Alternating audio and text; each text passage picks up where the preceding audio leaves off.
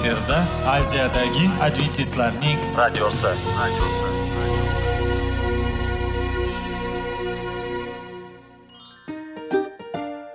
Assalomu alaykum aziz radio tinglovchilar.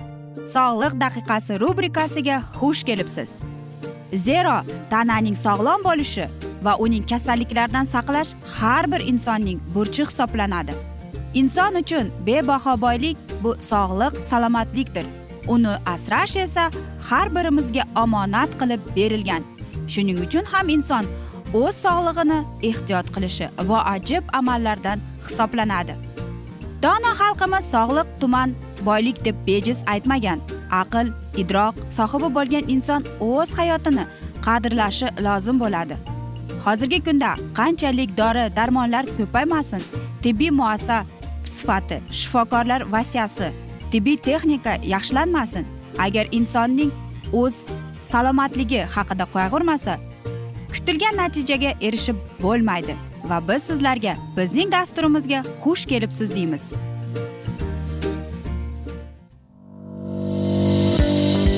Sog'liq daqiqasi soliqning kaliti qiziqarli ma'lumotlar faktlar.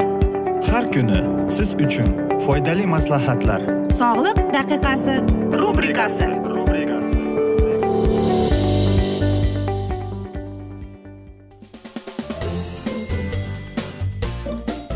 assalomu alaykum aziz radio tinglovchilar. Dasturimizga xush kelibsiz va biz sizlar bilan besh daqiqa sog'liq uchun deb atalgan dasturda xushvaqt bo'ling deb aytamiz va dasturimizni boshlashdan avval sizlarga yodingizga solmoqchi edimki agar sizlarda savollar tug'ilib qolgan bo'lsa biz bilan whatsapp orqali aloqaga chiqishingiz mumkin. Bizning whatsapp raqamimiz plyus bir uch yuz bir yetti yuz oltmish oltmish yetmish aziz do'stlar. Va bugungi dasturimizning mavzusi bu emotsiyalar. Ya'ni bugungi dasturimizning e, mehmoni bu endorfin ya'ni baxt garmonidir albatta biz sizlar bilan o'tgan galgi dasturlarimizda stress va depressiya haqida suhbatlashgan edik va u yerda aytilib o'tilgandek mana shu baxt garmonini ishlab chiqishdan chiqarish uchun biz ko'chaga chiqishimiz kerak quyosh nuridan e, zavqlanishimiz kerak va shundagina mana shu endorfin garmoni ishlab chiqarar ekan. Albatta bizning o'lkamizda quyosh bordir. Lekin qanchalik siz quyosh nurlarida zavqlanasiz? Shifokorlar aytadiki aynan foydali quyoshning nurlari vaqti bu soat o'ndan to o'n birgador ekan. Undan keyingi vaqtlar esa bizning sog'lig'imizga zarar keltirar ekan. Ha siz aytasizki bizga savol bermoqchisiz. Agar inson deydi dori darmonlarga hech ham iste'mol qilmasa aynan ana shu aytaylikki insondagi baxt garmoni quyoshdan olingani rostmi deb ha aziz do'stlar bilasizmi? Agar inson deydi o'zining organizmiga o'zini kayfiyatini ko'taradigan zotlarni ishlab chiqarilsa bu qanday bo'ladi deysizmi? Masalan aytaylikki siz o'zingizni yomon his qilyapsiz yoki kayfiyatingiz yo'q. Lekin qarangki masalan sizni yoqtirgan siz yoqtirib qolgan yoki qandaydir sizga qaysidir bir inson deylik. Sovg'a berdi. Albatta sizda baxt garmoni endorfin garmoni bu yuqori bo'lib baxt sizning kayfiyatingiz ko'tariladi. Xo'sh siz aytasizki bu garmonning bizning organizmimizga qanday ta'siri bo'ladi deysizmi? Ha aziz do'stlar. Aytingchi agar siz qo'lingizni eshikka qisib olsangiz borib darrov siz uh, uning og'riganini sezib qolasiz to'g'rimi? Qarang masalan emotsiyalar agar siz doimo tushkun kayfiyatda yurib negativ e, mana shunday hayollar bilan e, ishlasangiz demak siz o'zingizda mana shunday kasalliklar kelib chiqar ekan. Bu astma e, migren ya'ni bosh og'riq oshqozon yarasi kelar ekan stenokardiya infarkt saraton kasalligiga olib kelar ekan.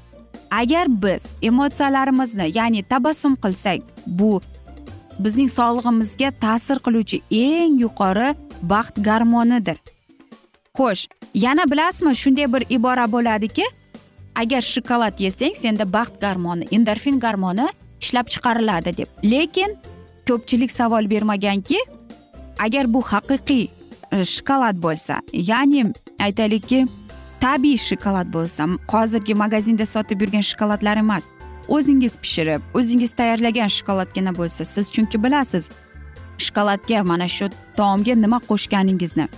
Umuman olib qaraganda o'zingizga savol beringchi sizning kayfiyatingiz nimadan iborat nimaga ta'sir qiladi? Albatta aziz do'stlar ertalab inson yaxshi kayfiyatda uyg'onganda o'zining emotsional e, o'zining mana shu emotsiyalariga o'zining emotsional holatiga katta e'tibor qaratadi. Va shuningdekgina kun bo'yi agar shu inson birovlarga aytaylikki ishxonasidagilarga tabassum bilan muloyim ovozda murojaat etganda boshqa insonga ham o'zining endorfin baxti bilan bo'lishayotgan bo'lar ekan aziz do'stlar. Bu eng ajoyib narsa to'g'rimi? Va o'ylaymanki bu eng qiziqarli ham.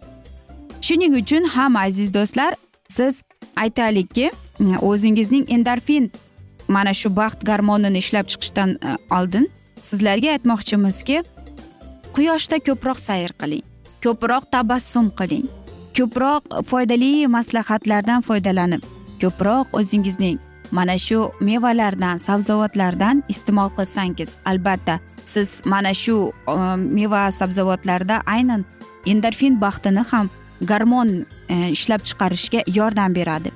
Va qarangki aziz do'stlar aytib o'tmoqchimanki agar siz e, doimo salbiy ta'sir qilib negativ e, faqatgina asabiy bo'lib boshqalarga aytishadiku zahringni sachib gapirib yursangiz yuqorida aytib o'tgan astma migren ya'ni bosh og'riq oshqozon yarasi mm, ya'ni stenokardiya infarkt saraton kasalliklariga olib kelar ekan. Agar ijobiy bo'lsa biz to'liq sog'lom bo'lamiz ekan va qo'limizdagi ishlar shunday qanchalik oson hal qilinadi qanchalik kuningiz oson kechganini o'zingiz ham payqab qolasiz. Va shundagina siz o'ylaysizki ha bu to'g'ri bu aytaylikki eng foydali narsa deb. Axir baxt bu yaxshi. Ertalab uyg'ondingizmi? Yomon kayfiyatda bo'lgan chog'ingizda ham derazaga qarang. Bugun quyosh chiqqanmi? Demak siz baxtlisiz siz ko'ryapsiz. Qushlarning chiriqlashini eshityapsizmi? Siz eshitasiz siz baxtlisiz. Siz fikrlaysiz. O'zingizni fikringizni ayta olasiz. Siz baxtlisiz. Siz ishlaysiz. Sizning ikkita qo'lingiz bor ikkita oyog'ingiz bor ko'zingiz qulog'ingiz bor. Siz sog'lomsiz. Shuning uchun ham aziz do'stlar baxt bo'lishi kerak. Baxt garmonini faqatgina o'zingiz ishlab chiqing. Ertalab ishga ketayotib qanchalik quyosh nurlaridan zavqlanib ketding? Bu tangrining bo'lgan bizga sovg'asidir. Biz esa mana shunday asnoda aziz do'stlar bugungi dasturimizni yakunlab qolamiz. Chunki vaqt birozgina chetlatilgan lekin keyingi dasturlarda albatta mana shu mavzuni yana o'qib eshittiramiz. Va men o'ylaymanki e, sizlar bizni tark etmaysiz deb chunki oldinda bundanda qiziq va foydali dasturlar kutib kelmoqda. Agar sizlarda savollar tug'ilgan bo'lsa biz sizlarni salomat klub internet saytimizga taklif qilib qolamiz yoki whatsapp raqamimizga murojaat etsangiz bo'ladi. Plyus bir uch yuz bir yetti yuz oltmish oltmish yetmish aziz do'stlar va biz sizlar bilan xayrlashar ekanmiz. Sizlarga sog'lik salomatlik tilab omon qoling deymiz.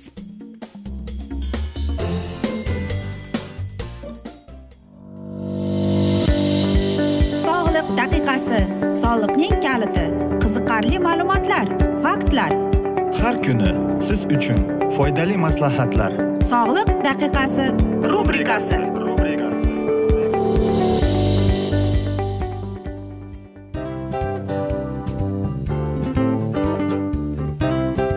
mana ha hayotda hamma narsaning yaxshi narsalar tugaydi va yakunlaydi degandek bizning dasturimizga ham yakun keldi.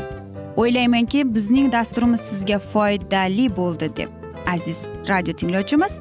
Va siz o'zingiz uchun kerakli xulosalar kerakli maslahatlar olib oldingiz. Aziz radio tinglovchimiz biz bilan qoling va keyingi dasturlarimiz albatta undanda qiziqroq bo'ladi. Mana shu alfozda sizlar bilan xayrlashib qolaman.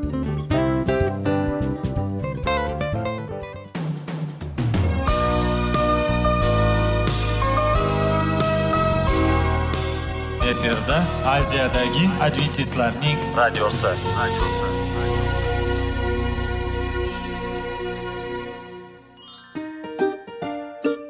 Assalomu alaykum aziz radio tinglovchilarimiz. Dil izhori dasturimizga xush kelibsiz. Pul insonni baxtli qiladimi? Albatta yo'q. Sog'liqchi? Albatta bo'lishi mumkindir. Lekin olimlar shuni isbotlashdiki to'liq va mukammal munosabatlar insonlarni baxtli qilar ekan. Albatta biz hayot davomida biz yaqin insonlar bilan odamlar bilan aloqada bo'lamiz va ular bilan munosabatlarimiz qanday kechadi qanday tuziladi? Yigit va qiz er va xotin ota ona va farzandlar va yaqin insonlar bilan. Balkim hozirgi vaqtda kimnidir hayoti yoki munosabatlari buzilyapti. Va bizning dasturlarimiz ularga yordam bo'ladi deb. Va oldinda sizlarni qiziqarli intervyular va mavzular kutyapti va biz umid qilamizki siz biz bilan qolasiz deb.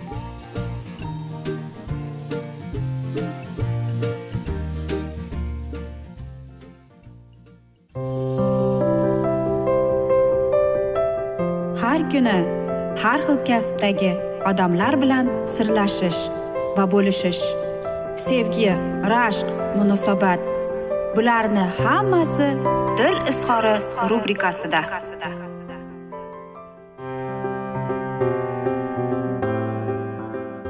Assalomu alaykum aziz radio tinglovchilar. Dasturimizga xush kelibsiz va biz sizlar bilan ajoyib sevgi deb nomlangan dasturimizda xushvaqt bo'ling deb aytamiz. Va bugungi bizning dasturimizning mavzusi xitoydan oldingi tiyilishning deb ataladi. Albatta bilasizmi sizlarga bugun o'nta qoida haqida aytib bermoqchiman. Ya'ni o'nta inson haqida.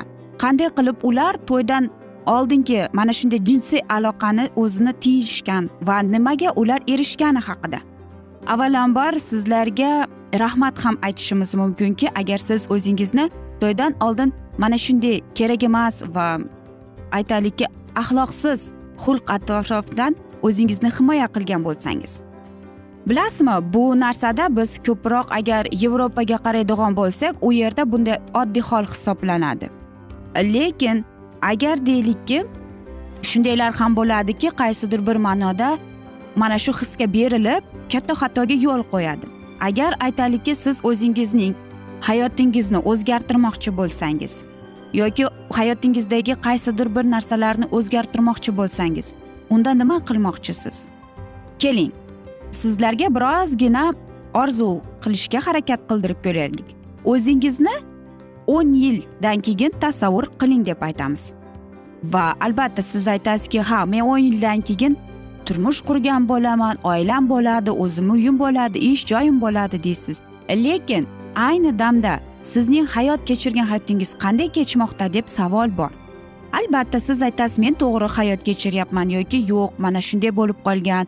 Deb o'zingizni o'zingiz oqlashga tushasiz. Va qoidamizning birinchi qoidasi o'zingizdagi bo'lgan ijobiy hislarni uyg'otishga harakat qiling.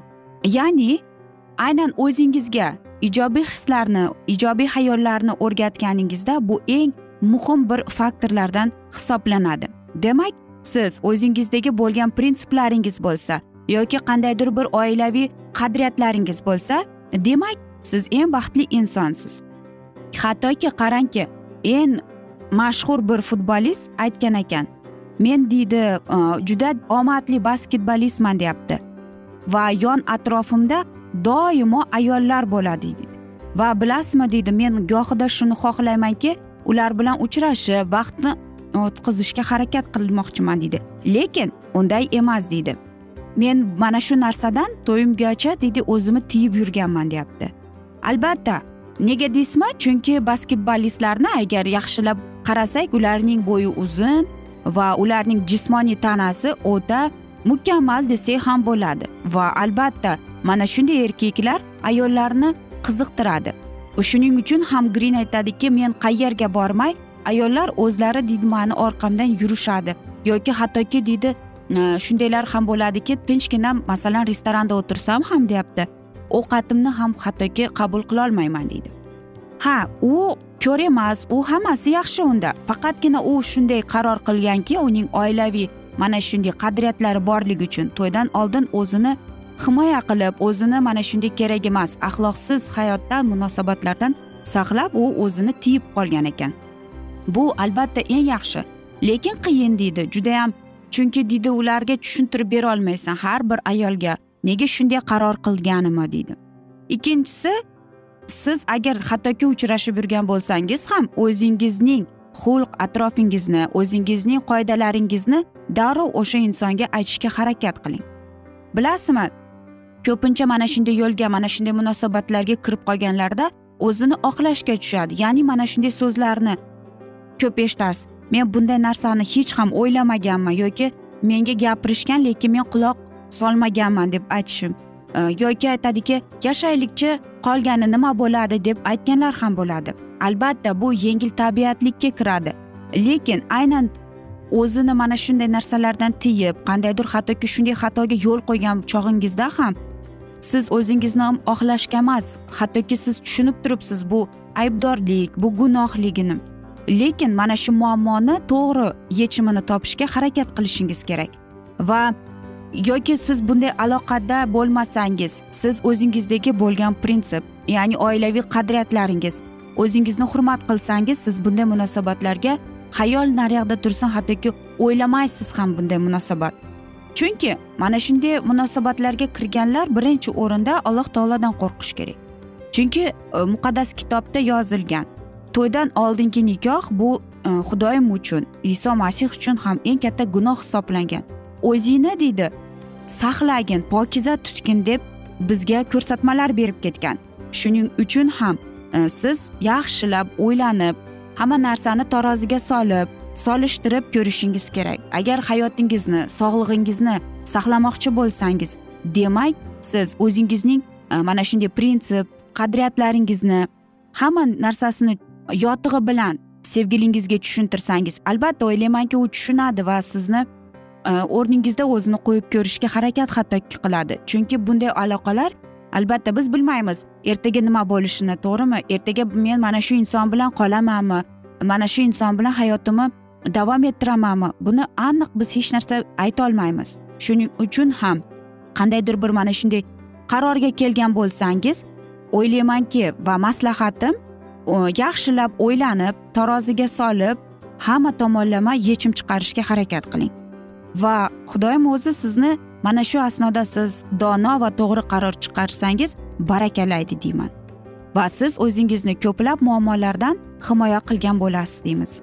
Aziz do'stlar mana shunday asnoda esa biz bugungi dasturimizni yakunlab qolamiz. Vaqt birozgina chetlatilgan lekin keyingi dasturlarda albatta mana shu mavzuni yana o'qib eshittiramiz.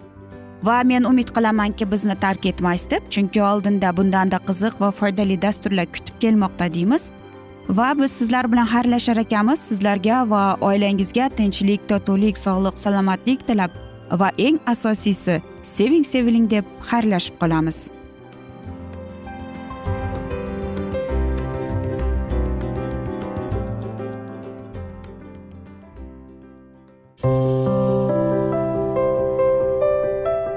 Har kuni har xil kasbdagi odamlar bilan sirlashish va bo'lishish.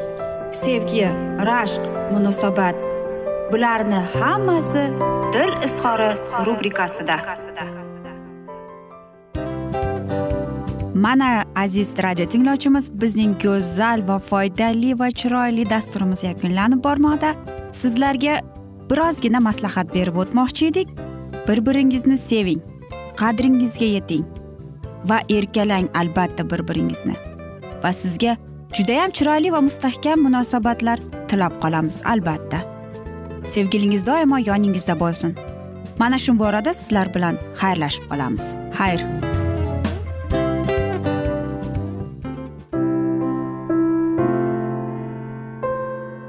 Hayotning noni. Qiziqtirgan savollar va javoblar. Buning hammasi ko'ngil uchun oziqa rubrikasida.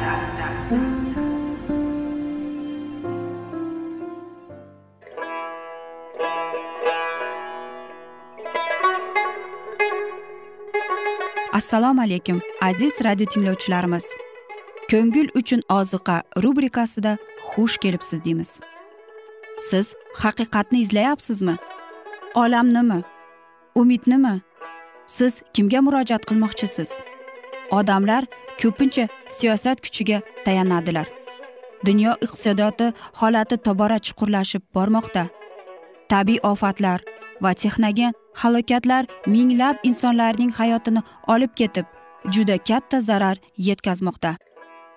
Sizga abadiy hayot inomini hadya qiluvchi va hayotingizni tubdan o'zgartiruvchi haqiqatni izlab toping. Xudo haqidagi haqiqat uning kalomida mujassamlashgan. Kimki bu haqiqatni butun qalbi bilan izlasa albatta unga yetishadi. Bu sevgi xudoning tarixidir.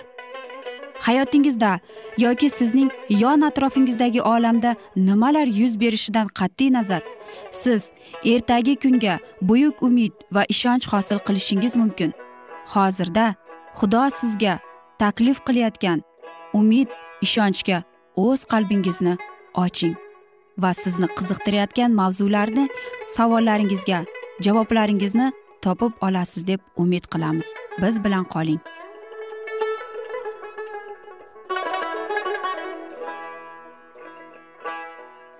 Assalomu alaykum aziz radio tinglovchilar. Dasturimizga xush kelibsiz va biz sizlar bilan ulug' otalar va payg'ambarlar deb nomlangan dasturimizda xushvaqt bo'ling deb aytamiz va bugungi bizning dasturimizning mavzusi shoulning o'zligi deb ataladi.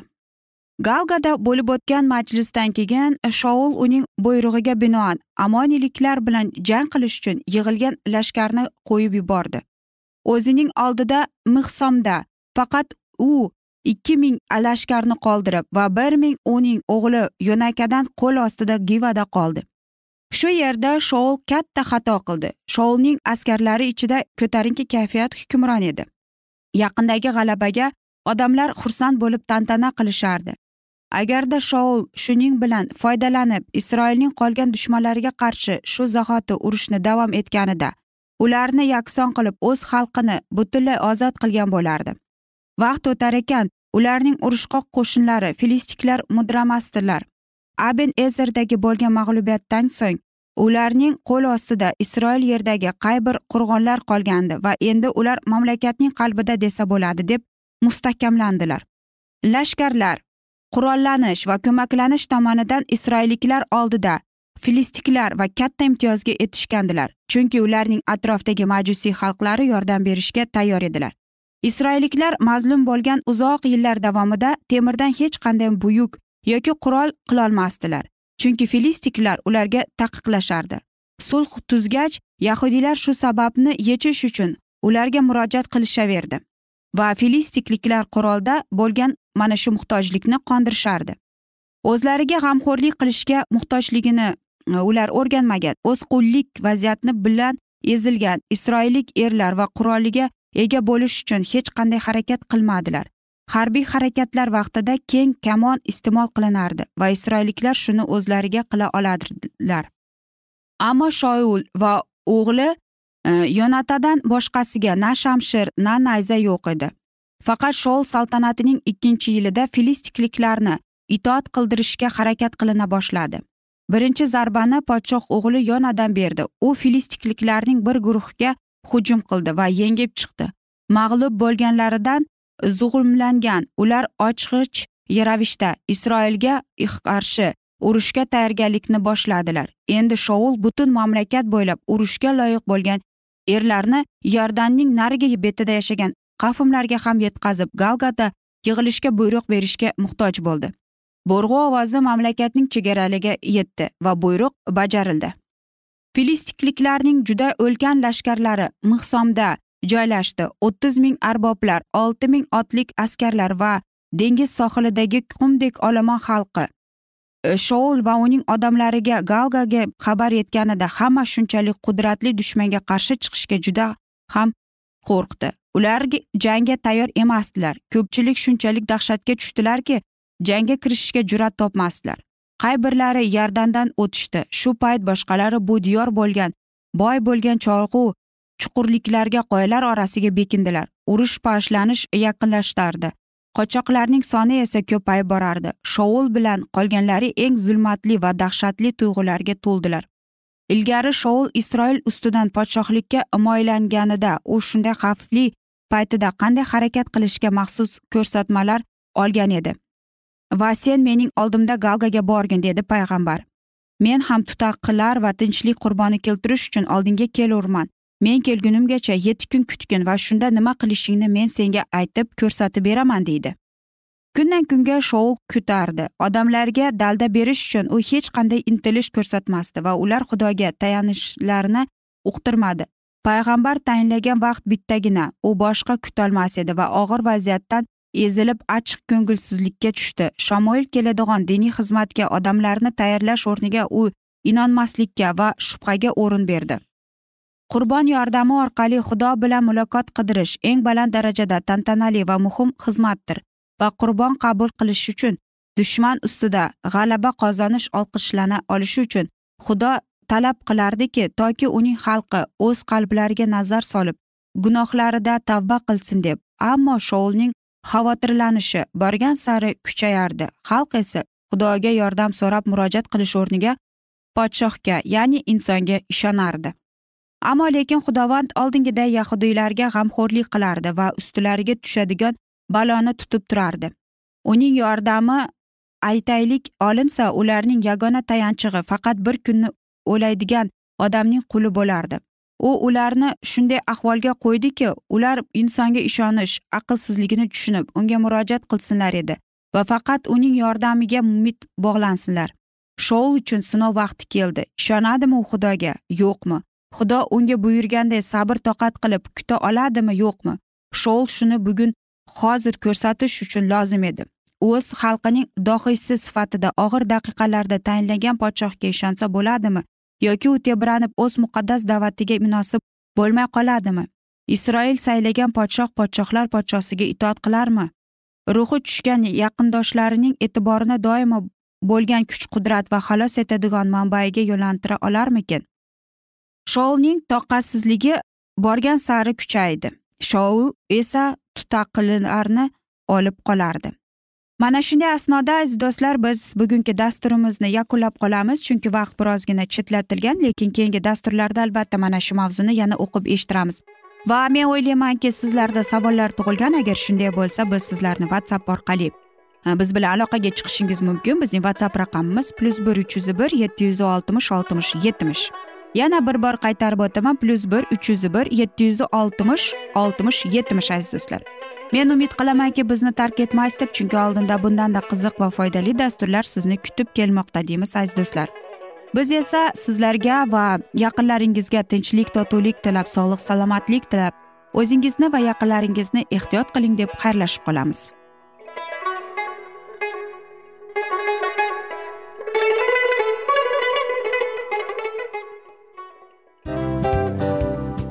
Narsaning yakuni bo'ladi degandek afsuski bizning ham dasturlarimiz yakunlanib qolyapti. Va biz o'ylaymizki bizning dasturimizdan o'zingiz uchun kerakli va foydali maslahatlar olib oldingiz. Sog'liq borasida sizga foydali maslahat berganmiz deb umid qilaman albatta.